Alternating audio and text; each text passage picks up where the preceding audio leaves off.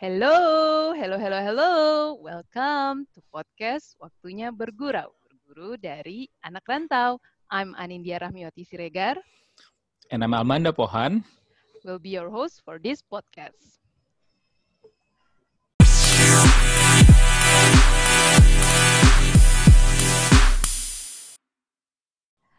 Oke, hai hai hai semuanya.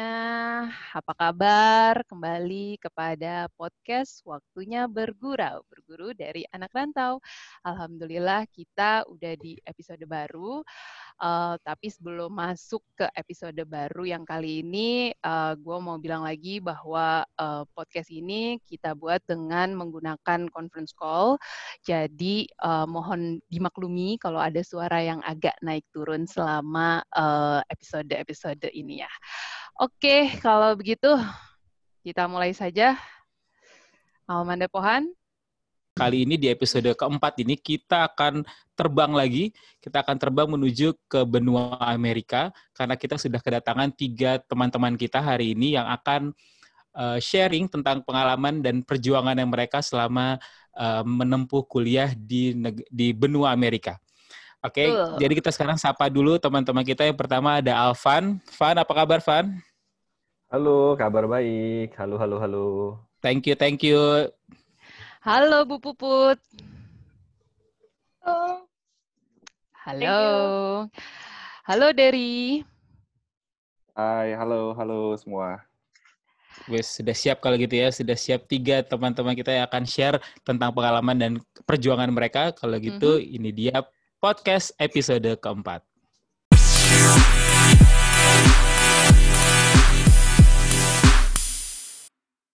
Mari kita langsung saja ke um, sharing-sharing aja. Jadi sebenarnya kan podcast ini juga namanya aja waktunya bergurau kan. Jadi kita santai-santai aja ya guys. Um, mungkin dari awal sebelum kita lebih jauh lagi cerita tentang pengalaman-pengalaman di uh, Amerika, mungkin teman teman-teman bisa cerita dulu nih um, waktu di Amerika ngambil jurusan apa dan kuliah di mana. Mungkin mulai dari Alvan. Halo, uh, dulu gue di US kuliah di uh, College of William and Mary, itu ada mm -hmm. di mm-hmm. Virginia, ngambilnya MBA waktu itu. Oke, okay, berarti lo di kotanya? Williamsburg. Alright, Williamsburg. Oke. Okay. Williamsburg, oke. Okay. Kalau Derry gimana Der? Uh, di Amerika di mana Der waktu itu Der?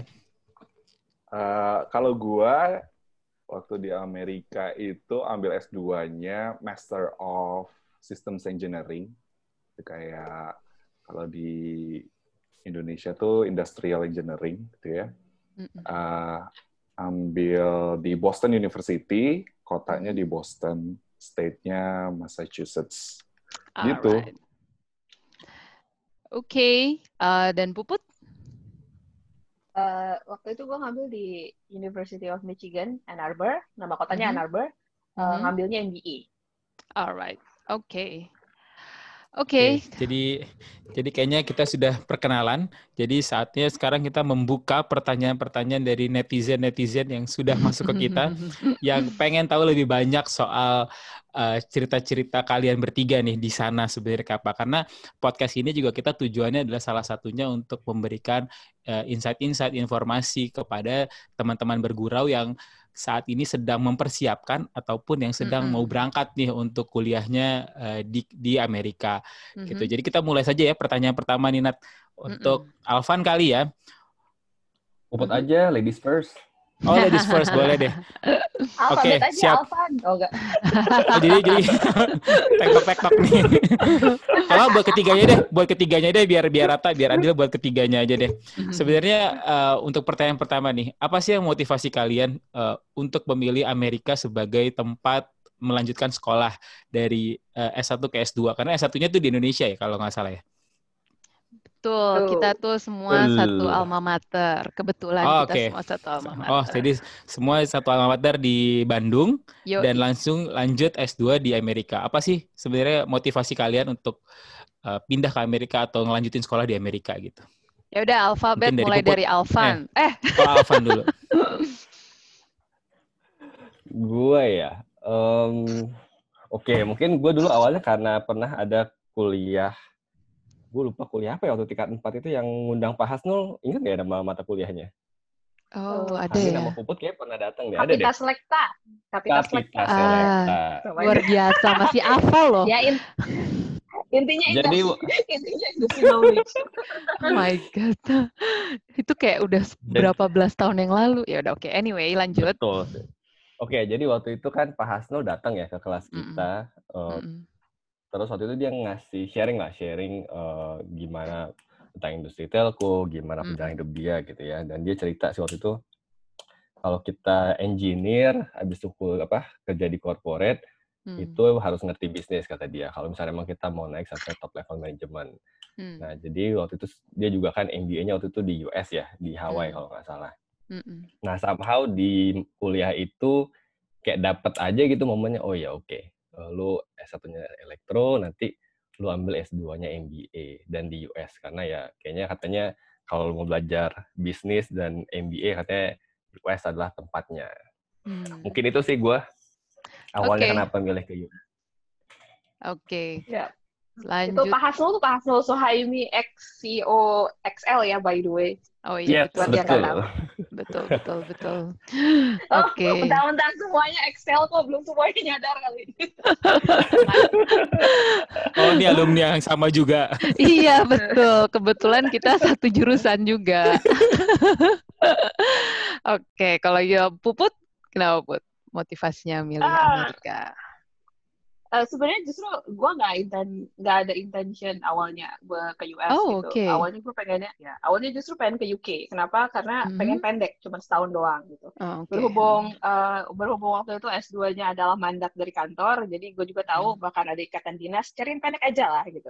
Hmm. Ah, tapi waktu gue audiensi sama eh, my supervisor gitu sama sama bos gue, dia bilang kayak ngapain lu ke sana? Lu ke US aja langsung kalau belajar bisnis. Toh di sana kan eh, core-nya kalau lu mau belajar bisnis gitu. Ya, mm. Jadi Hmm. dan dia bahkan sampai ngancam kalau lu nggak ke US, gue nggak kasih lu rekomendasi. Jadi Wow. jadi mungkin itu starting point-nya kenapa gue mulai explore uh, uh, US in specific buat uh, target sekolah gue gitu. Tapi lebih Hmm. awalnya ya kecelakaan juga sih. Tapi later on uh, after research gitu kayak understanding ngobrol-ngobrol juga sama alumni-alumninya Mm-mm. ya ternyata emang emang kalau misalnya kalau misalnya uh, lu mau uh, lebih banyak lebih lebih lebih fokus buat belajar uh, bisnis specifically MBA itu Hmm. emang gelar atau atau kayak degree yang di originating dari US juga anyway gitu jadi ya Hmm. oh why go any anyway any pre- uh, ke tempat lain kalau Hmm. kalau lu bisa ke US so ya udah Hmm. cobain aja dulu ke sana waktu itu Jadi namanya kecelakaan yang indah ya ceritanya ya. Ke US ini ya. oh Mantap. Ya. Mantap sekali. Karena kecelakaan tuh ada yang indah juga ternyata ya. Ada, ada. Jadinya pindah ke Amerika gitu. Iya, iya benar. Oke. asal gaya aja gitu loh gue bagus sih, iya bagus. Buat gaya bagus juga sih. Mm-mm, betul, betul. Oke. Lanjut dari Derry. Kenapa tuh Der Eh, milih Amerika? jawaban gue itu sebetulnya udah diambil puput tadi, tapi ya udahlah. Kecelakaan juga gitu. Jadi kecelakaan juga ya. Enggak, enggak. Ini Oh, perspektifnya beda dikit. Perspektifnya Hmm. beda dikit. Jadi Hmm. kalau Puput bilang asalnya mau ke UK itu sama. Mungkin UK itu karena memang durasinya pendek ya. Tapi Mm-mm. begitu dipikir-pikir gitu ya, wah kapan lagi kuliah malah daripada pendek mendingan lebih lama. Mm-mm. Kalau UK Hmm. setahun, mendingan langsung US aja. Udah gitu, eh, orang mikir lagi gimana kalau Australia. Australia itu tanggung, terlalu deket gitu ya. Jadi Hmm. US itu eh, udah jauh, lama lagi. Jadi menurut gua, Kenapa lu malah pengen yang menarik gitu. jauh gitu kan? ya 22 tahun hidup di Bandung buat belajar gitu ya. Mm-mm. Eh, ya sama lah teman-teman juga gitu kali. Mm-mm. Terus ya kenapa nggak yang jauh sekalian buat uh, dapetin sesuatu yang benar-benar completely different gitu dan uh, menurut gue awalnya gue berpikir akan uh, apa namanya ya udah sekalian aja sekalian ini gitu ya dan ternyata Hmm. itu nggak akan nggak menyesal gitu bahwa apa yang selama gue dapet di S2 di US itu emang benar-benar a whole different experience lah. Mantap. Itu deh. Oke. Okay. Kalau gitu kayaknya masing-masing udah punya alasannya sendiri ya, Da ya, buat pindah ke uh, eh, US gitu. Dan ya kita tahu lah ya kalau uh, flight ke sana aja lama banget tuh kan, kayak berapa jam? Bener. 24 jam ya, guys ya? Tapi kan kayak... kan tadi Derry milihnya itu, karena jauh ya, dia milihnya ke sana gitu. Bener, bener. Iya. iya. Udah Biar nggak banyak yang datang buat ngunjungin gitu. nah itu kan kayaknya, kayaknya alasan Dere lebih ke alasannya deh. Udah panjang-panjang. Terus kayak harga tiketnya mahal. Aduh kalau bayar sendiri tekor juga cuy gitu. oh kalian lanjut lagi nih tadi dari dari cerita yang tadi kan bahwa ini adalah uh, mungkin kali pertamanya berarti uh, keluar dari uh, Indonesia ya untuk untuk melanjutin hmm. kuliah ke Amerika. Uh, new normalnya di sana seperti apa sih gitu pas pindah dari Indonesia ke Amerika itu apa sih yang berubah dari hidup kenormalan kita di biasa di Bandung mungkin seperti apa di Jakarta seperti apa. Tapi begitu pindah ke Amerika tuh banyak yang hal yang baru tuh. Salah satunya apa sih? Mungkin bisa cerita nggak sih? Salah satunya. Silakan mungkin Pak Alvan duluan boleh. Gua dulu ini lagi ya. pada mikir ya ini lagi pada mikir. Oke, gua mungkin apa ya? New normal gua mungkin ini sih. Dulu kayaknya gua uh, aduh apa sih namanya tuh? Take things for granted buat waktu sebenarnya. Waktu kalau di Indonesia ya. Uh, waktu itu kayaknya kita ya udah santai aja gitu kan. Cuma pas tinggal di US gitu kan terus kuliah kuliah MBA mm. itu kan kuliahnya padat banget ya kayak sehari itu lo bisa baca tiga case yang lo baca terus lo siapin buat materi buat besok dan di sisi lain, lu harus ngelondri pakaian lo sendiri, harus masak mm. sendiri, nyetrika sendiri, dan lain-lain mm. sendiri. Dan kalau lo mau masak, lo harus belanja. Kalau mau belanja makanan yang halal yeah. gitu ya, itu dari tempat gue tuh agak lumayan jauh lah, setengah jam lah. Mm. Setengah okay. jam uh, buat beli daging halalnya ya, karena kan gue mm. kota kecil gitu ya, harus ke kota sebelah. Mm. Jadi memanfaatkan waktu sebaik mungkin dan di plan gitu ya. Oke, okay, gue hari ini pagi ini gue masak ini, nanti buat dua hari ke depan jadi gue tinggal goreng-goreng dan segala macam lah kayak gitulah. Hmm. Nah, itu hmm. yang benar-benar harus di dijagain banget waktunya dan setiap waktu tuh kayak 15 menit tuh sangat berharga lah buat gue tuh selama kuliah di sana.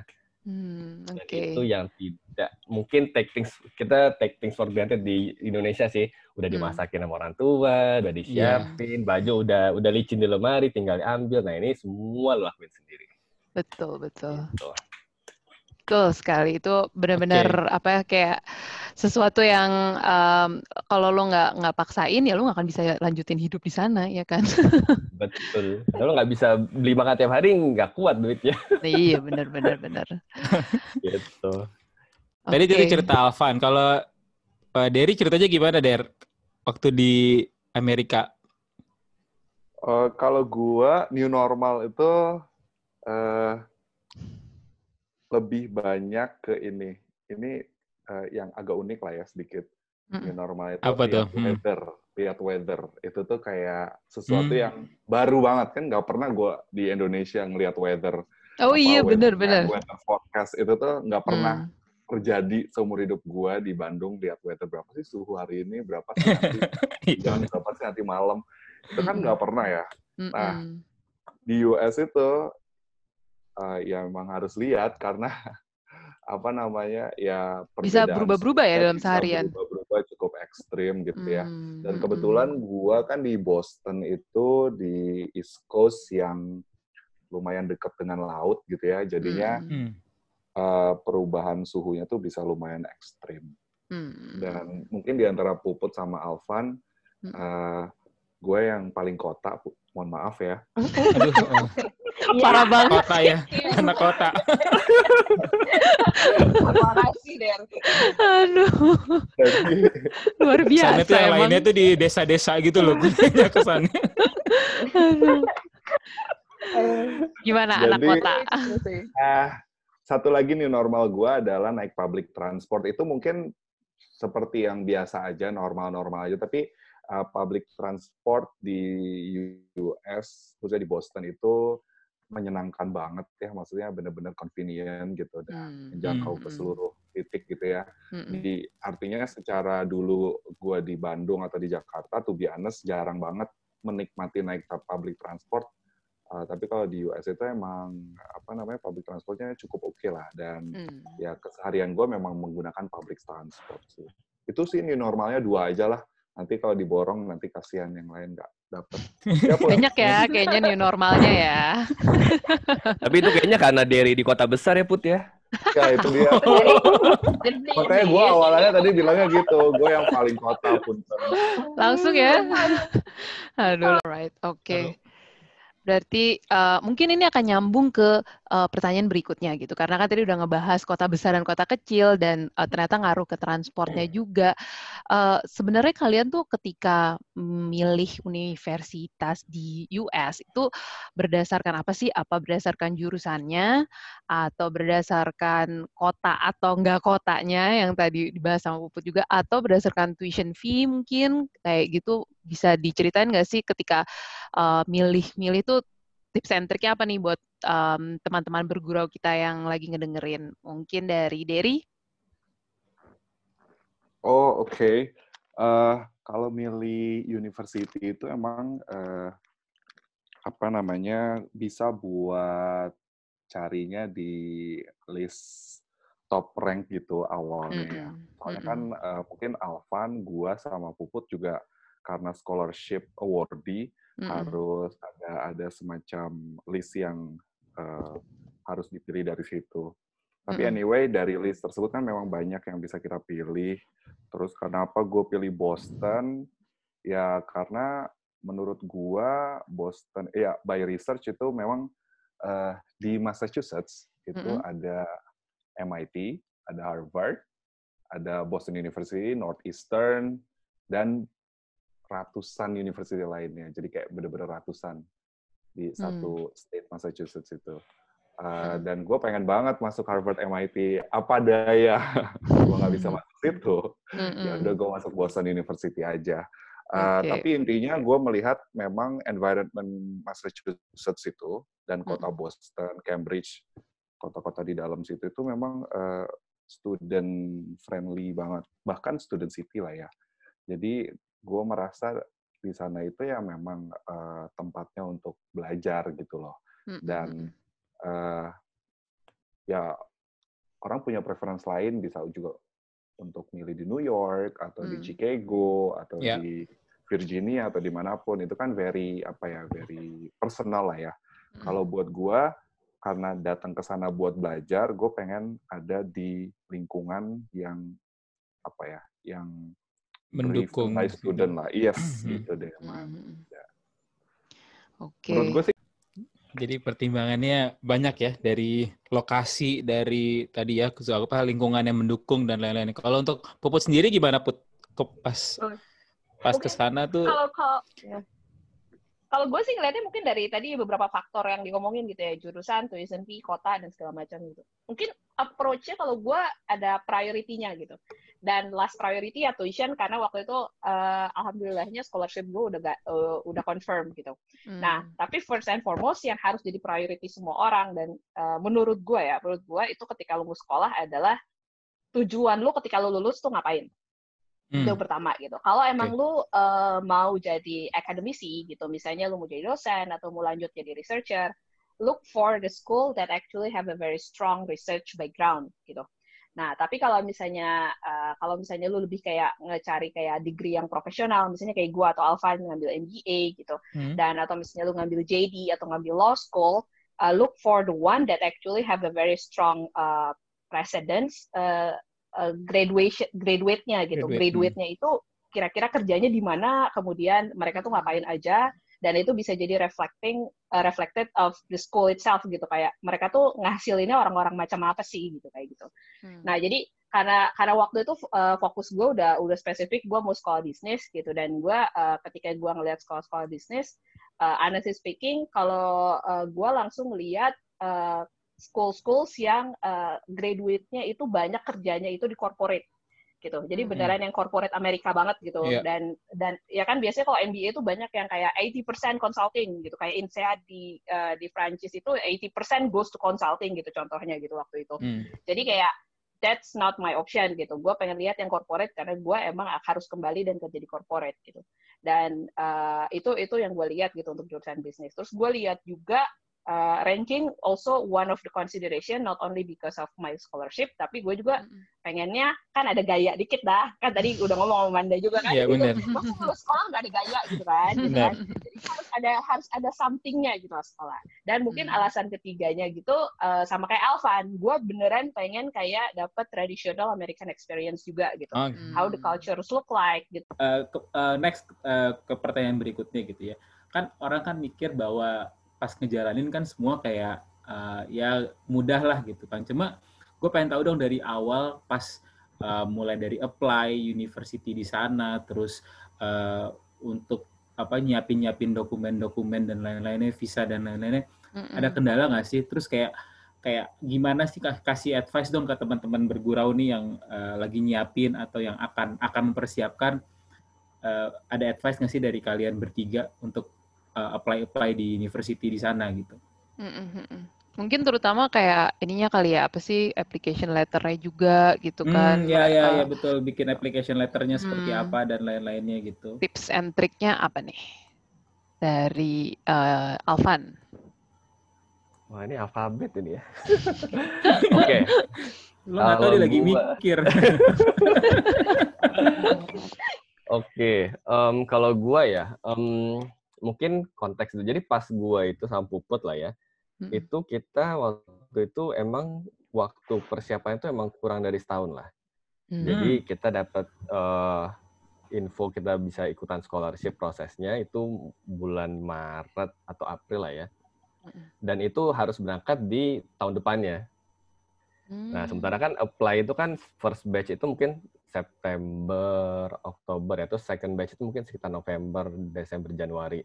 Jadi kurang dari setahun lah waktu itu kita eh, nyiapin semuanya ya. Hmm. Mulai dari GMAT, TOEFL, IELTS, eh, essay, recommendation letter gitu ya. Dan itu tough banget sih buat nyiapin administrasi dan dokumen sebanyak itu gitu ya. Hmm. Uh, jadi kalau saran gua, kalau emang udah pengen niat mau MBA atau mau kuliah ke luar negeri, dicicil deh jauh-jauh hari. Hmm. Contoh Oke. misalkan kalau emang mau MBA, GMAT itu setahu gue berlakunya lima tahun ya Put ya. Yuk. GMAT itu lima tahun. Nah kalau mau MBA, nah lu kejar GMAT dulu aja deh. GMAT dulu lu lu kerjarin gitu ya. Setidaknya sampai Hmm. lima tahun ke depan tuh lu mas itu GMAT lu masih berlaku gitu. Masih berlaku. betul. Hmm. Yes. Beres GMAT, habis itu lu kejarin TOEFL gitu. TOEFL masih dua tahun berlaku kan. Nah, nanti baru tuh lu tinggal fokus mikirin esai, rekomendasi sama kampusnya. Hmm. Jadi itu akan lebih eh, memberikan lo waktu yang cukup buat mempersiapkan semuanya gitu. Hmm. Itu dari sisi Ya, ya, ya. eh, dokumen dan administrasi ya persyaratan Hmm. gitu ya. Nah, yang kedua mungkin dalam hal mau memilih kampus, mungkin saran gua eh, desk research itu bagus gitu ya. Lo eh, research di websitenya, lo cek, lo baca-baca segala macam. Cuman buat dapetin feel-nya perlu ngobrol sama alumninya. Hmm. Hmm. Karena Oke. insight-insight tadi tuh kayak misalkan, eh, oh culture-nya di sana kayak gimana. Oh kalau misalkan di sana tuh bedanya apa sih kelas besar, kelas kecil, angkatan Itu lu lu banyak langsung orang. ngontek aja gitu, cari, misalnya eh, random di LinkedIn yang alumni sana, atau lo kebetulan ada yang kenal juga alumni sana tuh gimana tuh, Van? Waktu itu kalau nggak salah ada yang kenal temennya temen, terus Mm-mm. kita kontak, kita ngobrol gitu. Oh ternyata dapat insight, oh jadi kalau MBA di US tuh kenapa orang memilih kampus yang berbeda, sizing berbeda, di kota berbeda tuh karena banyak faktornya. Kayak misalkan kalau Hmm. emang lu mau fokus di finance, oh mungkin lu mungkin di di New York gitu ya, atau Hmm. di di Wharton gitu. Oh kalau emang lu mau fokus di baik di entrepreneurship, oh mungkin di di Los Angeles gitu, Stanford, UC Hmm. Berkeley dan lain-lain gitu kan. Mm-mm. Nah itu yang harus lo lakukan. Jadi lo kontak alumninya atau lo kontak orang yang kenal atau mereka biasanya kalau mendekati bulan September itu sering ada meet up meet up sama alumninya. Oh iya, iya. Oh, Kan betul. biasa nge- Hmm. bikin kayak coffee session atau apa session gitu kan. Nah kalau Hmm. sekarang mungkin banyak yang online kali ya karena lagi covid. Nah itu lo Hmm. datengin deh, lo datengin. Nah di situ Hmm. yang lo bakal dapetin feel ini cocok atau enggak buat gua gitu kampus itu. Hmm. Atau atau enggak? Hmm. Gue sih yang ngena banget sih di faktor itu sih waktu dapat ngobrol sama oh berarti gue tahu tuh oh jadi kalau milih MBA itu harus kayak gini loh. Hmm. terus sih eh, Oke. waktu itu mungkin dua hal itu sih eh, menurut gue yang butuh disiapin Oke, nice tips banget, Van. Silakan Bu Oke. Put. Oke, eh, paling gue nambahin aja. I think first and foremost, American higher education itu udah sangat standardized. Itu yang harus eh, yang yang yang mau gue tekanin gitu. Jadi kayak how uh, how the application uh, application process is going, terus standardized test yang dibutuhkan itu tuh hampir standardized across the board gitu. Jadi sebenarnya ada beberapa poin yang kalau misalnya lu udah siapin early on itu bisa dipakai ke berbagai uh, university. Nah, Hmm. mungkin sedikit kalau misalnya gue agak berusaha structuralize sedikit, mungkin first and foremost seperti kata Dery bilang gitu, mulainya dari niat. Niat itu Hmm. maksudnya apa? Komitmen cuy gitu. Mm-mm. Kayak Hmm. uh, the application process is actually not something that will be done in a month or two gitu. Jadi ya emang gua sama Alvan waktu itu agak-agak gila kita kayak six seven months gitu. Terus kayak wah hajar gue aja lah gitu. Kayak gitu. Syukur dapat gitu. Alhamdulillah mak kita sayang banget sama kita gitu. Jadi doanya kuat jadi eh, Ah, ya, that's, that's the thing gitu kan. Tapi kalau misalnya gue tanya ke orang-orang gitu, ke teman-teman gue pada umumnya gitu, uh, the extreme uh, preparation yang gue dapat itu adalah tiga tahun. Ada orang, ada teman gue yang Wow. masuk in the same year with me, itu prepare itu sampai tiga tahun sebelum dia mau apply. Ada Luar juga biasa. yang kayak gue gitu, yang mepeters luar biasa gitu, itu six months gitu kan. Nah, Iya. jadi komitmen komitmen itu akan menentukan seberapa kuat atau seberapa seberapa mau lo buat uh, spend your time, spend your money, spend your energy on the application process. Nah, Hmm. yang kedua ini sebelum mulai application ya. Yang pertama Hmm. niat, yang kedua itu research. Jadi Hmm. uh, one Hmm. thing yang gue dapat dari salah satu alumni US yang gue temuin itu adalah research the shit out of your school or out of your uh, target um, uh, jurusan. Gitu. Hmm. Karena dia Hmm. bilang search the shit out of the schools. Prosesnya kayak gimana, udah gitu schoolnya kayak apa. Nah dari situ lu bisa prepare kira-kira apa yang harus lu harus siapin. Karena sebenarnya application prosesnya sendiri cukup standardized. Kalau gua bisa eh, kalau gua bisa eh, generalize mungkin ada tiga part gitu. Yang part pertama itu soal standardized test, yang kedua itu soal essay, yang ketiga itu soal recommendation. Nah, Hmm. tapi kayak buat GMAT, IELTS, eh, GRE gitu. Hmm. Which is sebenarnya menurut gua itu adalah yang paling bisa lu prepare, yang paling gampang lu prepare. Jadi Hmm. bukan dalam artian tesnya gampang ya, tapi dalam eh, paling gampang lu prepare. Lu tahu Hmm. misalnya sekarang IELTS lu berapa dan target IELTS lu Iya. berapa, ber- eh, lu lu harus belajar. tadi Belajar. Berarti lu Hmm. bisa lu bisa plan out, gue punya tiga bulan atau gue punya enam bulan untuk improve eh, IELTS gue dari A ke B gitu Hmm. atau uh, IDT gue dari A ke B gitu. Nah, itu yang pertama standardized test gitu. Make sure that you you prepare well for your standardized test. Yang kedua, essay gitu. Essay sama oh gue sebelum ke essay karena ada panjang recommendation. Recommendation itu menurut gue itu harus disiapin dari dua hal. Banyak yang bilang kayak uh, cari orang penting yang bernama buat ngasih rekomendasi buat lo. Hmm. Yes. Hmm. Dan kalau misalnya lo nggak bisa nyampe ke level bernamanya itu, nggak usah maksain. Lebih Hmm. better rekomendasi itu coming from someone that actually knows you the best. Whether Hmm. it's your supervisors, Supervisor. whether it's your Hmm. ya uh, apa sih apakah itu adalah pembimbing pembimbing TA lu gitu dulu Yes, yes, atau yes. misalnya pembimbing research lu dulu gitu. Hmm. Uh, that kind of person is actually the one that can give better recommendation that someone with title or name that doesn't knows you gitu. Hmm. Itu sih. Nah, yang ketiga nih, ini yang paling tricky dan menurut gua biasanya orang Indonesia itu paling banyak hikapnya, essay. Hmm. Kenapa? Kita nggak pernah nulis umur-umur, cuy. Gitu kan. Terakhir, kayak gua inget gitu kayak kayak kayak 22 tahun gua menempuh pendidikan di Indonesia kayaknya terakhir kali gua bikin essay itu adalah essay yang beneran serius gitu kan Heeh, Itu- heeh. hampir nggak ada gitu kan gitu hampir nggak pernah gitu kecuali pelajaran bahasa Indonesia zaman SMA nah Hmm. itu kayak eh, jadi ketika ngomongin essay di sini gitu emang banyak banget sikapnya dan yang dikejar tuh justru surprisingly cukup cukup eh, cukup abstrak buat essay gitu lu pertama Hmm. harus ngejar dulu kemampuan lu nulis gitu Hmm. which is grammar lu harus bener gitu, almost almost perfect gitu. Yang kedua itu adalah persuasive writing. Persuasive Hmm. writing itu sendiri ada ada ada ada skillnya gitu dan kadang-kadang lu butuh orang ketiga buat ngasih tahu lu apakah writing lu tuh udah persuasive enough or not Hmm. gitu. Hmm. Dan waktu itu juga honestly speaking gue emang eh, dibantuin eh, dibantuin eh, satu konsultan eh, writer yang ngeliatin essay gue kayak oh kalimat ini Wih, kayak gue ya? yang paling. Sampai nyampe ya, gitu. bener. Yang paling Hmm. menyakitkan buat gue tuh kayak gue bikin yang menurut gue tuh oke banget dua paragraf keren gitu kan. Mm-mm. Sama dia dicoret diganti sama satu kalimat. Itu Ya udah. sakit banget men. Itu dia ya, untung aja kan. Iya, tapi menurut dia tuh kayak tapi pas gue baca lagi kayak uh, this this long sentence doesn't make sense, doesn't give you Hmm. any benefit, uh, change it gitu. Jadi dan Hmm. itu yang yang kita tuh nggak pernah tahu gitu. Kita nggak pernah belajar persuasive writing, writing gitu. Dan gue juga merasa personally sebagai non native speaker English, gue nggak pernah belajar persuasive writing, let alone in English Hmm. di Indonesia aja gue pernah gitu. Nah dan poin yang yang tadi dari cerita bilang gitu, unique profile or unique story that only yours gitu. Berarti nyambung ke yang pertanyaan kita sebelumnya tadi kan udah salah satunya juga kan yang kayak tiga-tiga juga bilang bahwa masak tuh jadi buat saving budget banget nih kan. Nah, gue jadi penasaran nih, apakah kalian tuh em, eh, nyari juga nggak sih eh, apa namanya restoran Indonesia di sana? gue penasaran aja sih, dan gue nggak tahu, gue nggak kebayang juga apakah di US itu banyak atau enggak restoran eh, Indonesia gitu. Mungkin kita mulai Indonesia dari ya. yang di pinggiran-pinggiran dulu ya, tadi katanya ya dari Alvan. Sebenarnya nggak Jadi pinggiran ngegeng juga ya sekarang jadi ngegeng pinggiran sama tengah kota. Ah, ya. kayaknya ya. Poinnya ada- eh, kita mulai dari eh, Alvan barangkali. Kalau di kota Williamsburg itu ada nggak sih restoran Indonesia dan lu mencari nggak sih waktu itu? Oke, di Apaan sih pasti nyari kayaknya.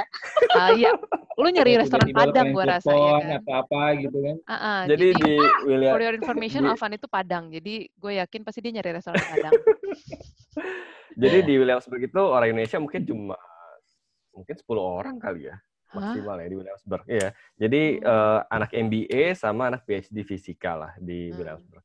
Yang gua tahu mungkin cuma sekitar 10 orangan lah. Mm-mm. Eh, Nggak ada restoran Indonesia di sana. Oh, Oke. Jadi setiap gua ke kota lain, terutama kota besar, Heeh. pasti yang gue cari adalah restoran Indonesia. Oh, eh Iya, emang betul re- eh, kota kota terdekat dari lu tuh apa, Van? Yang lu bilang kota besar. Yang kota besar dekat dari gue mungkin Richmond kali, ibu kotanya Oh, Virginia oke, ya. Oke, oke, oke. Di Nah, situ ada. ini Itu lewat- ada dari itu ada restoran Indonesia. Mm-mm. Di gue lupa, kayaknya enggak deh waktu itu gue nyari-nyari nggak nemu gue Oh. kayaknya. Terus ke mana? Bahkan lu? kan kota besarnya aja Andin nggak pernah dengar Richmond. Richmond. Betul, Richmond di Virginia. Nah, jadi kalau gue mau makan Indonesia tuh paling pas gue lagi ke Washington, pas gue lagi ketemu sama Rizly gitu ya, Mm-mm. atau pas gue ke ke New York sama Puput itu kita waktu itu hari pertama mendarat di New York, Heeh. ya, restoran pertama kita samperin adalah apa? Put Upi Jaya, makanan Betul. Padang. Tahu di- sih ya? Ini temen lu ini, temen lu ini gue lagi capek-capek, gue digusur sampai Queens cuman buat nyari restoran Padang. Itu oh my udah aneh banget sih kalian. Orang tuh udah jauh-jauh ke New York Luar tuh biasa pengen makan daerah apa ya, halal food gitu kan. Apa sih i- i- itu kan? Apa Halal sih? guys. Halal guys, kok gue jadi halal food sih ya Allah. halal guys juga iya, halal guys iya. Ya, Cuman itu juga cantik nomor- sih. Iya kan? Ah, gila deh. Mungkin bayangkan ya, gue gue di Jakarta tidak pernah masak. Terus gue harus masak di sana dengan rasa yang bisa gue tolerir. Jadi gue makan tuh ya karena gue butuh makan aja. Tapi rasanya ya rasa, ya mungkin gue yang bisa butuh rasa masakan gue gitu kan. Jadi gue butuh rasa masakan Indonesia yang gue kangeni gitu. Oh my god. Dan lo akhirnya menemukan di New York itu ada restoran Padang namanya apa? Upi Jaya. Jaya. Jaya. Oke, ya udah teman-teman bergurau yang mau ke New York dicari ya tuh Upi Jaya. Ya ampun, masa Aduh. teman-temannya yang mau ke New York nyarinya Upi Jaya? Siapa ya, tahu. gua- Gue plus one-nya Derry nih. Kalau bisa sih jangan ya, gitu kan. Kalau Padang di Indonesia jauh lebih enak pada Indonesia lah. Cuman ya karena Bapak Alvan Alfian ini agak beda dikit gitu ya. Gitu. By the way, that Upi Jaya itu walaupun restoran restorannya oke, makanannya uh, oke anyway, tapi itu jauh banget dari Manhattan. Jadi Oh kita my beneran God. harus kayak naik berapa kereta dan berapa bis gitu. Makanya gue masih dendam sama Alvan sampai sekarang. Oh Jadi ya, God. it's okay lah. Perjuangan banget ya buat makan Padang ya. Luar biasa, Alvan. Padangnya luar biasa deh. Emang, emang. Berarti kalau kalau di Michigan gimana, Put? Ada nggak restoran Indonesia Uh, di Ann Arbor? sejauh setahu yang sejauh yang gua tahu nggak ada dan emang gua nggak nyari gitu. Jadi Hmm, itu itu oke, mungkin kalau gua oke. Jadi gue beda, uh, gue agak bedanya sama Alvin kayak gitu. Kalau gue Hmm. lidah gue nggak segitunya rese. Selama gue uh, ketemu ayam goreng, gue fine. Selama gue Alhamdulillah ya. dan ayam goreng, alhamdulillah gitu. Heeh, kan. heeh, heeh, heeh. Jadi uh, dan kalau gue lagi pengen ada yang spicy spicy dikit ya gue pergi ke Thai food lah gitu. Dan Thai food sih lebih lebih gampang Hmm. dicari lah di mana pun lo berada gitu. Jadi kalau gue nggak segitunya rese gitu. itu mungkin gue dari gue. Jadi gue nggak harus jauh-jauh ke Queens gitu. Gue cuma Mm-mm. nyari masakan Padang. Eh, Oke. Oke. Kalau dari anak metropolitan gimana nih? Kalau di Boston banyak restoran Indonesia. Hmm. Terus juga komunitas Indonesianya banyak. Jadi eh, somehow kayak banyak juga yang nyedia-nyediain catering gitu loh. Ah, yang mau masakan Indonesia. Jadi ada orang Enak Padang banget. yang yang iya yang kadang-kadang masak masakan Padang udah gitu di apa di blast di Facebook gitu ya atau di grup WhatsApp gitu-gitu di Hmm. Permias dan segala macam itu kayak nggak susah deh nyari makanan Indonesia mm-mm. Ah, yang yang bentuknya restoran ada beberapa gitu ya nggak nggak Restoran kayak Padang gimana? Ada nggak? Siapa tahu Nggak Alfa ada nanti balik lagi ke jadi sana. nggak spesifik restoran Padang sih cuman kayak restoran Indonesia ada nasi Indonesia goreng ya. sate Oh, gitu-gitu Oke, oke. Heeh, terus sayur-sayur lodeh, sayur sop gitu-gitu. Jadi Hmm. eh, warteg lah ibaratnya, Eh, in a decent way. Terus kalau eh, ya itu yang misalnya yang eh, komunitas orang-orang Indonesia di sana yang bukan pelajar ya, maksudnya kayak eh, apa?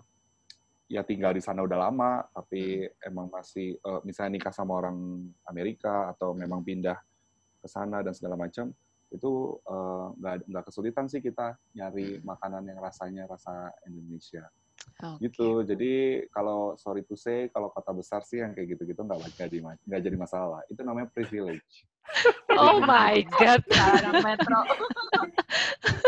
luar biasa nih podcast episode ini sudah terbentuk ya. Ada geng anak metropolitan dan tidak metropolitan, luar biasa, luar biasa. Tapi tapi eh, dengan dengan cari makanan Indonesia ini salah satu eh, cara untuk eh, ngilangin homesick atau apa nggak sih? Kalau gue emang karena lidah gue pengen udah lama nggak menyentuh masakan Indonesia aja sih, terutama rendang dan lain-lain. Susah Ini ya. lama, lama lama itu dalam durasi berapa lama sih kalau tersebut lama itu maksudnya tiap berapa bulan atau tiap berapa Tahun kayaknya sekali dia. Enggak ya? Setahun sekali. Jadi di gue kan di kota gue sama sekali nggak ada. Terus kalau misalkan gue mau banget tuh, gue bisa tuh pesan delivery tuh dari Pennsylvania lah. Ada Oh. eh, Philly Ih, tuh ada jauh yang banget ya. Berapa jam tuh Iya, dari kota lo? Oh ngirim ngirim nin nggak nggak nggak gue ke sana. Ngirim tuh Oh, oke mungkin oke dua oke. hari gitu. Oh, Kan ngirim rendang dua hari. lama ya. Hah? Karena gue Sampai nyoba bikin rendang dua dua, hari. yes. Karena gue nyobain bikin rendang dua kali, dua kali dari jam 8 malam sampai tengah malam. Jadinya kayak semur nggak jadi rendang. Jadi gue kayak ah Ngakak. gitu. Alhamdulillah ya, sekarang dapetnya uni, Heeh. jadi dapat deh beres. Iya. Alphard. Ya, by the way, uh, additional information Pennsylvania sama sama uh, Williamsburg itu beda state ya. Jadi Oh itu udah God. antar kota antar provinsi. Segitu Jadi ya, Ibarat buat gua tuh mesen rendang dari Padangnya langsung gitu ya, dari Sumatera Barat gitu kan, jadi langsung harus pakai Kurang paket lebih paket. sejauh itu sih benar. Astagfirullah, luar biasa, luar biasa nih, udah nih, udah, udah keren banget. Tapi ada nggak sih, bung lagi ke barang kenangan dan lain-lain tadi ya gitu. Ada nggak sih eh, satu momen yang nggak mungkin lo lupakan selama lo tinggal di sana sih? Uz. Dari dulu deh, dari deh, karena kan Gua ini ya? tentang keluarga kan, ini tentang Iya. keluarga kan, lo bawa Mm. keluarga ke sana. Mm-mm. Ada nggak sih Iya. unforgettable moment sama family yang yang yang nggak mungkin gue lupain nih sampai kapan pun pas kita lagi di sana gitu? road tripnya sih Hmm. Road trip. bareng keluarga itu menurut gua Eh, lu road trip benar-benar ke mana? the best sih Lu road Eh, gue itu semua East, eh, East Coast itu dari Boston turun ke ke New York ya, Ah, terus oke. ke ke DC, habis Mm-mm. dari DC ke Pennsylvania, Pittsburgh, terus nggak sampai Chicago sih, terus eh, ke Buffalo, Niagara Wow. Falls gitu. Oke, Jadi baru Virginia dilewatin ya, Der ya. Virginia itu menurut gua kayaknya Atau next numpang time. aja, numpang ini cari makan. Virginia itu udah ke cover sama apa ya kotanya? Gue juga lewat kok VA itu, tapi gue lupa deh apa. Tapi Hmm. DC lah ya udahlah lewat DC udah udah udah udah udah merasa lah gue udah mengunjungi Alvan. Nah eh, udah deh. Eh, itu East Coast-nya. Terus ke Mm-mm. Midwest-nya itu gue di Arizona ya. Hmm. Wih. ke Arizona. Phoenix, gue terbang dulu, landing di Phoenix, udah gitu muter ke Nevada, Vegas, sampai LA, terus SF juga, terus pengennya ke Seattle, Washington State, tapi nggak nggak dapet. Itu road trip itu nyetir, Hmm. bahwa itu tuh sesuatu yang, ya ampun, oke banget lah eh, Mm-mm. buat Iya, buat iya. orang-orang yang berpikir bahwa uh, apa namanya bahwa keluarga ke US itu mahal emang mahal tapi in return lo akan dapat banyak banget uh, privilege juga sih Privilege, Anak. privilege-nya sama ya. buat anak-anak lo iya oke. gitu Itu tadi cerita eh, tentang yang eh, bawa keluarga ke sana. Tapi kalau untuk Alvan sama Puput eh, gimana di sana?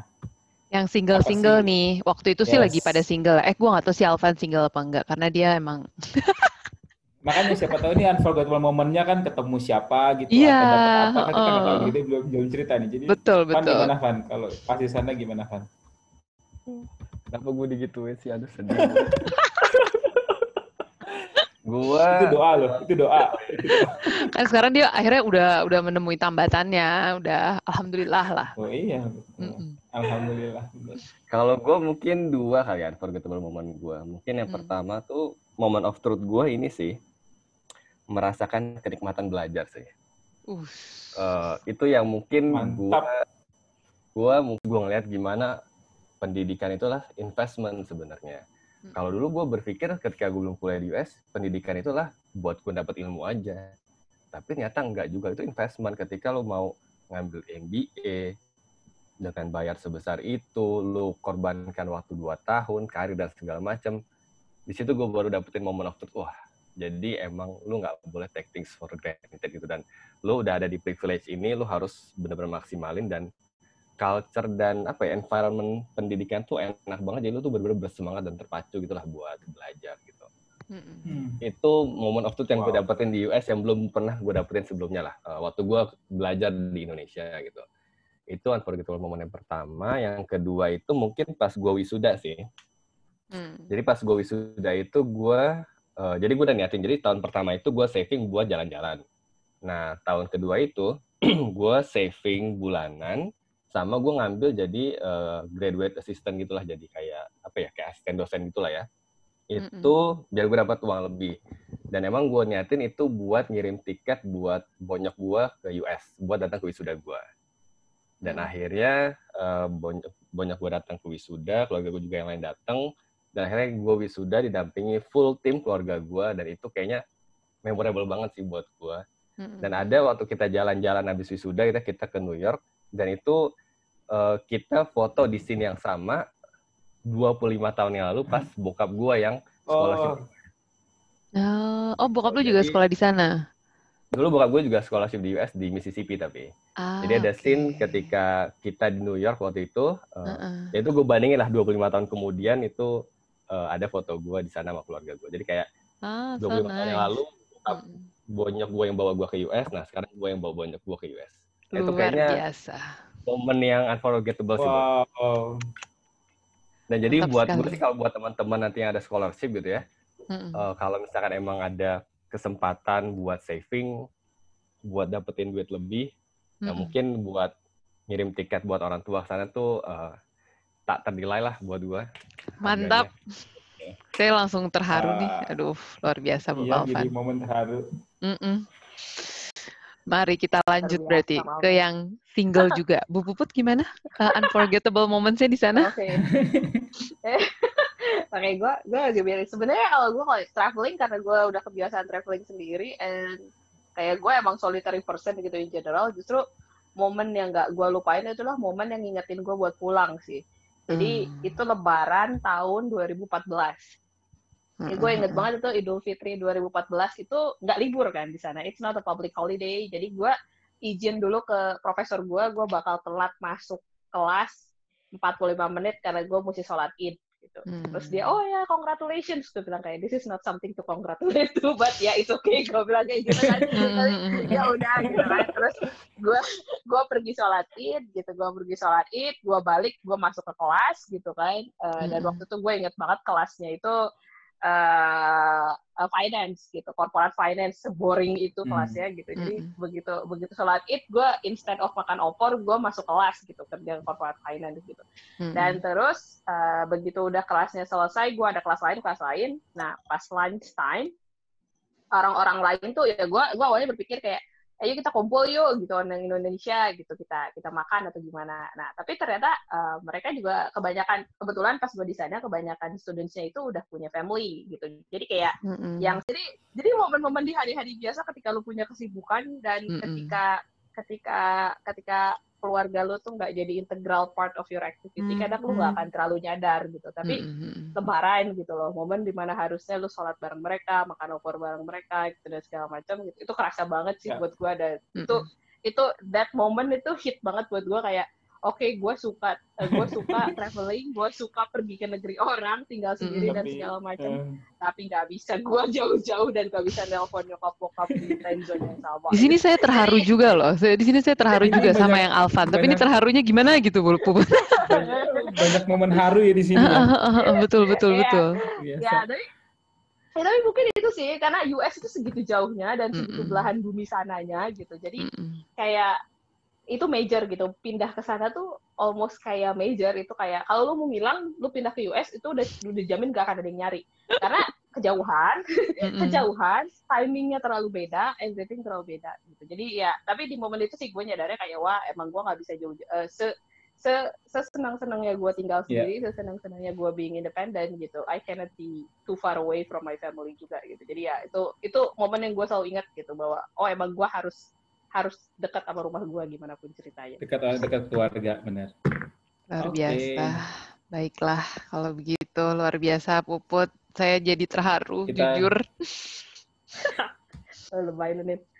Lanjut lagi kita ya guys. Em, pertanyaan berikutnya mungkin agak berat sedikit, tapi eh, kita pengen dengar sih dari kalian-kalian ini bagaimana tanggapan kalian tentang eh, ya pasti kan sekarang banyak yang pada mau berangkat ke US atau mungkin lagi eh, apply US dengan keadaan pandemi kayak gini dan bahkan eh, keadaan politik di US yang lagi seperti itulah ya.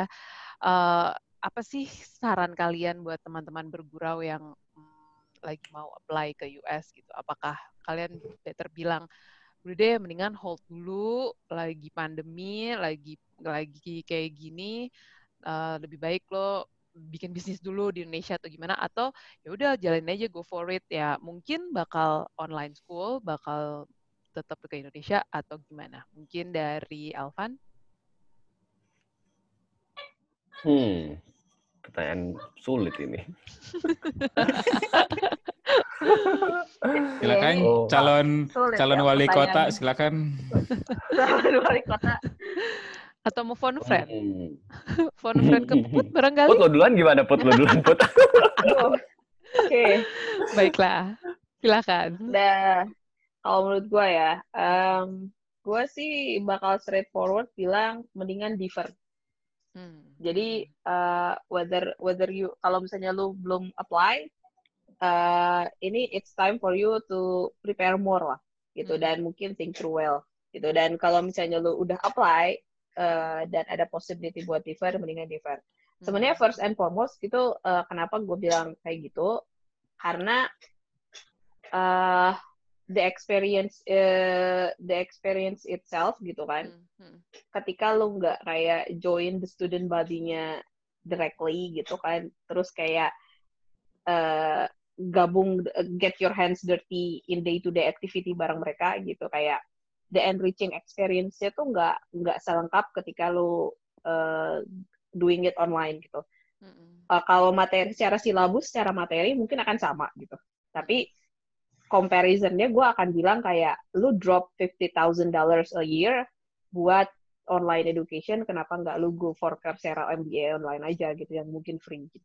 Hmm. Jadi kalau lu cuman go-nya buat syllabus gitu. Dan honestly speaking, uh, fee-nya tuh setahu gua nggak nggak jadi lebih murah gara-gara lu ya taking it online. online Iya, school ya. Hmm, oke. betul. Yes. Jadi tuition fee-nya itu nggak jadi lebih murah gitu. And and it's it's so expensive gitu. It's fifty thousand dollar a year gitu. Jadi Hmm. uh, think through well aja gitu. Jadi menurut gue daripada daripada lu drop duitnya sekarang gitu untuk tuition fee dan lu dapat education yang online, uh, you cannot go there anyway gitu. Even though pemerintahnya mungkin ngebuka pintunya buat uh, traveling in gitu, tetap aja gitu itu kayak risikonya terlalu tinggi buat lu go gitu. Mm-mm. Jadi menurut gua kalau it's, eh, kalau lu udah keterima mendingan lu defer dulu. Kalau lu belum apply, lu bisa uh, have one more year to prepare gitu. Mm-mm. Nah itu itu mungkin Oke. kalau saran dari gua sih. Kalau dari Setelah Oke. coba kita dengar dari Alvan mungkin yang udah mikir dari tadi sudah mendapatkan Bener. ide. Eh, mau nanya kalau politik di US nih lebih ke mana ya konteksnya? Karena kan luas ya politik ya. Ya karena lagi mau pem- pemilu aja sih. Oh pemilunya ya. Mhm. Oh oke oke mungkin yang soal pendidikan dulu ya. Buat gue ini sih. eh, buat gue tuh kalau kita mau ngejar cita-cita mungkin ya pendidikan kan salah satunya gitu ya. Mhm. Eh, buat gue ada beberapa trade off yang emang harus dipikirin. Nah, Yang menurut gue masih oke tuh kayak misalkan oh waktu hangout gue jadi berkurang banyak. Nah buat gue buat gue oke lah itu bisa gue trade off gitu. Hmm. Waktu yang apa bisa jadi berkurang oh waktu kerja gue jadi bertambah dan lain-lain. Nah buat gue itu hal yang bisa gue trade off sih. Hmm. Cuma kalau lagi pandemi gini kesehatan itu yang gue nggak bisa tawar sih. Kalau gue personally ya. Jadi eh, buat gue faktor utama gue karena pandemi dan kesehatan nyawa eh, buat gue itu no brainer. Gue bakal pending lah eh, Mhm. eh, Hmm. di saat kayak gini ya. Iya, itu yang iya, pertama dari sisi kesehatan dan pandemi. Dari sisi yang Hmm. kedua dari sisi edukasinya 100% gue agree sama Puput. Lu nggak akan dapetin experience-nya Iya. Jadi lu kayak lu datang di sana, tubuh lu di sana, tapi lu cuma di apartemen. Mhm. Lu nggak berinteraksi secara day to day pendidikannya. Lu nggak berinteraksi ke culture dan orang-orang community di sana. Jadi lu nggak akan dapetin edu apa experience MBA di US-nya sih. Better ya udah lu Coursera aja kalau emang lu mau gitu ya. Mhm. Itu terkait yang uh, MBA-nya, terkait politik em, ya itu tergantung sih seperti kata Puput. Cuma kalau dari sisi gue sih sebenarnya gue pas kita mau lulus kemarin itu 2016 kan lagi hot-hotnya kampanye ya. Mhm. Somehow buat gue itu fun sih. Karena eh, orang ngomongin itu dan kita dengernya tuh di, di sana.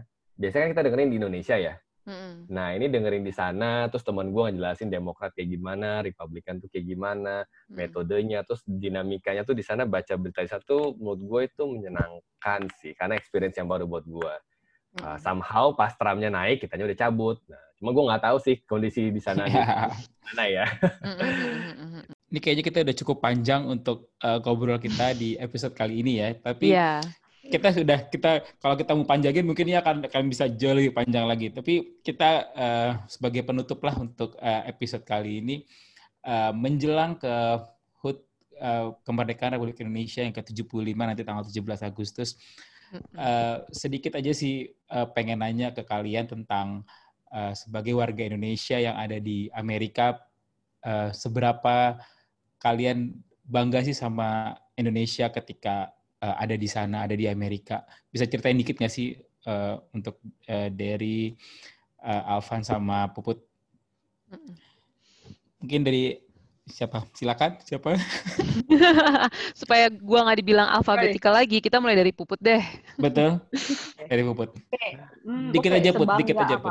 Mhm. Ya, sebangga apa sebenarnya kalau gue bilang uh, gue justru jauh lebih Indonesia ketika gue di sana daripada ketika gue di Indonesia. Karena gue jadi itu belajar dia. lagi. Gue gue jadi belajar lagi soal Indonesia. Karena banyak yang nanya soal Indonesia gitu. Indonesia tuh di mana? Indonesia tuh kayak gimana? Apa aja? Nah, terus Mhm. gue tuh baru nyadar gue nggak tahu apa-apa soal negara gue gitu. Itu malu banget gue. Hmm. Jadi justru gue jadi kayak belajar ulang dan akhirnya gue kayak sedikit banyak uh, bisa kayak founding my uh, my pride as Indonesian again gitu lah. Itulah yang bisa gue bilang gitu. Jadi oh ternyata gue nggak jelek-jelek amat ya. Oh ternyata negara gue oke banget ya kayak gitulah. Jadi Mhm. jadi Hmm. itu lebih ke inward sih daripada outward gitu. Jadi efeknya kalau buat gue lebih ke personally ke diri gue sendiri daripada keluar. Oke, oke, oke. Oke. Itu luar biasa ya. Kalau Avan gimana, Van? Sama sih kayak puput jadinya. Soalnya gue yang gue yang gue zong tuh kayak pertanyaan-pertanyaan simple. Indonesia tuh uh, apa ya? Core-nya di mana? Turismenya kayak apa? Terus turis apa? Destinasi wisata yang ini kayak gimana? Terus gue kan, aduh, gue kayak traveling juga belum banyak juga ya. Terus gue kayak, aduh, ini kayak gue, gue sangat minim pengetahuan gue nyata tentang Indonesia gitu ya. Um, Padahal dengan data dan fakta yang dia kemukakan, Indonesia tuh udah sampai semana itu. Terus gue kayak, oh hmm. iya iya. Aduh, gue mana aja selama ini ya. Kayak take things for granted itulah jadinya. Jadi kayak di sana baru baru nyadar, oh ya oke, okay, Indonesia sudah sampai sejauh ini ya. Dan banyak potensi kita buat lebih maju lagi nantinya. Betul sekali. Wah, okay. luar biasa. Dari kalau kalau dari Derry gimana nih? Oh, ada mirisnya sih sedikit di mana mm -hmm. kalau misalnya kita memperkenalkan diri dari Indonesia gitu ya, waktu mm -hmm. gue kuliah di sana, itu mm -hmm. emang hmm, orang agak tertegun sebentar gitu ya karena nggak hmm. langsung recognize oh Indonesia gitu. Hmm. oh jadi selama lo di sana gitu, selama lo di sana misalnya lo memperkenalkan diri, lo bilang di Indonesia, mereka kayak masih belum tahu gitu, tuh gimana? Iya, iya, masih yang kayak uh, Indonesia, tunggu, oh Indonesia di mana ya? It's one of the country in Southeast Asia misalnya gue harus cerita mm. dan mereka tuh pasti relate-nya ya mungkin sama Malaysia atau Singapura. Mm. Jadi, atau mungkin ada yang mikir oh Indonesia itu Bali gitu. Mungkin cuma tahu Balinya doang. Jadi mikirnya Indonesia adalah Bali, enggak ya? ada juga ya, ada Iya juga. kan? Cuman yang kadang-kadang bikin miris tuh gitu. Mm. Malaysia negaranya sebesar apa sih gitu ya. Mm -hmm. Apalagi Singapura malah lebih terkenal dibanding Indonesia karena memang mm -hmm. sebenarnya studentnya yang dari uh, Malaysia terutama mm -hmm. ya mm -hmm. itu lumayan banyak sih dibandingin dari Indonesia. Jadi kita nggak boleh nggak uh, boleh apa ya nggak boleh nggak percaya diri. Kita mm -hmm. tetap harus proud gitu ya jadi orang Indonesia dan memperkenalkan diri lah sebagai hmm. orang Indonesia okay. bukan Malaysia dan hmm. lebih besar negara kita dibandingin Singapura apalagi. Jadi gua sih kalau di sana hmm. uh, seperti apa ya ya ya be be proud of Indonesian aja dan di sana hmm. tuh apa ya orang-orangnya pasti open minded lah hmm. dan very appreciate sama orang-orang yang uh, apa namanya confident with themselves gitu loh. Jadi mm uh, nanti di sana teman-teman yang mau ke Amerika mm in uh, ya dalam keadaan apa pun pasti ngerasain kok jadi minoritas tapi mm. jadi minoritas pun tetap dirangkul sama orang-orang Amerika gitu. Wow, terima kasih sekali nih kata-katanya. Derry sangat menyemangatkan sekali. Jadi walaupun pasti ada ketakutan kan tuh nih mau pindah ke negara yang jauh banget, tapi tetap kita harus bangga kalau Tadi uh, sedikit ngobrol kita sama Alvan, Derry, dan Puput yang uh, sudah pernah uh, tinggal di Amerika dan tadi kita sudah nanya banyak hal tentang uh, seberapa perjuangan mereka di sana, seberapa uh, apa yang apa yang mereka banggakan dan lain-lain itu semua sudah kita sampaikan. Jadi terima kasih sekali lagi untuk Alvan, Derry, dan Puput. Thank you so much Thank uh, for your time. Thank you guys. Thank you so much. Terima kasih. Terima kasih. Semoga apa yang kita obrolin di episode ini. Oh ya, sama-sama. Thank you, thank you. Terima kasih waktunya. Semoga apa yang diobrolin di episode ini bisa ngasih insight dan pencerahan buat teman bergurau yang mungkin saat ini uh, lagi berpikiran atau uh, sedang uh, dalam proses untuk iya, lanjut betul. kuliah S2 di Amerika ya. Semoga iya. uh, dengan obrolan tadi bisa lebih mencerahkan ya Natnya. Betul, amin. Um, untuk teman-teman bergurau, um, terima kasih. Yang pasti kalau misalnya mau kasih saran atau kritik atau masukan, mungkin uh, request juga negara yang uh, atau university mana gitu yang pengen dibahas di episode-episode berikutnya, bisa langsung aja cek di Instagram kita at podcast waktunya bergurau. Um, jadi kalau menurut gue episode kali ini um, gue bisa summary-kan intinya adalah Amerika itu emang jauh, tapi balik lagi semua ke niat, komitmen, sama semangat kita masing-masing. Betul kan guys? Oke. Okay. Oke, okay, okay, kalau gitu. Kalau gitu, thank you. Thank you for listening. See you on next episode. Anindya Siregar, Albanda Pohan, and thank you for listening our podcast. Waktunya bergurau, berguru dari anak rantau. Thank you. Bye-bye. Okay.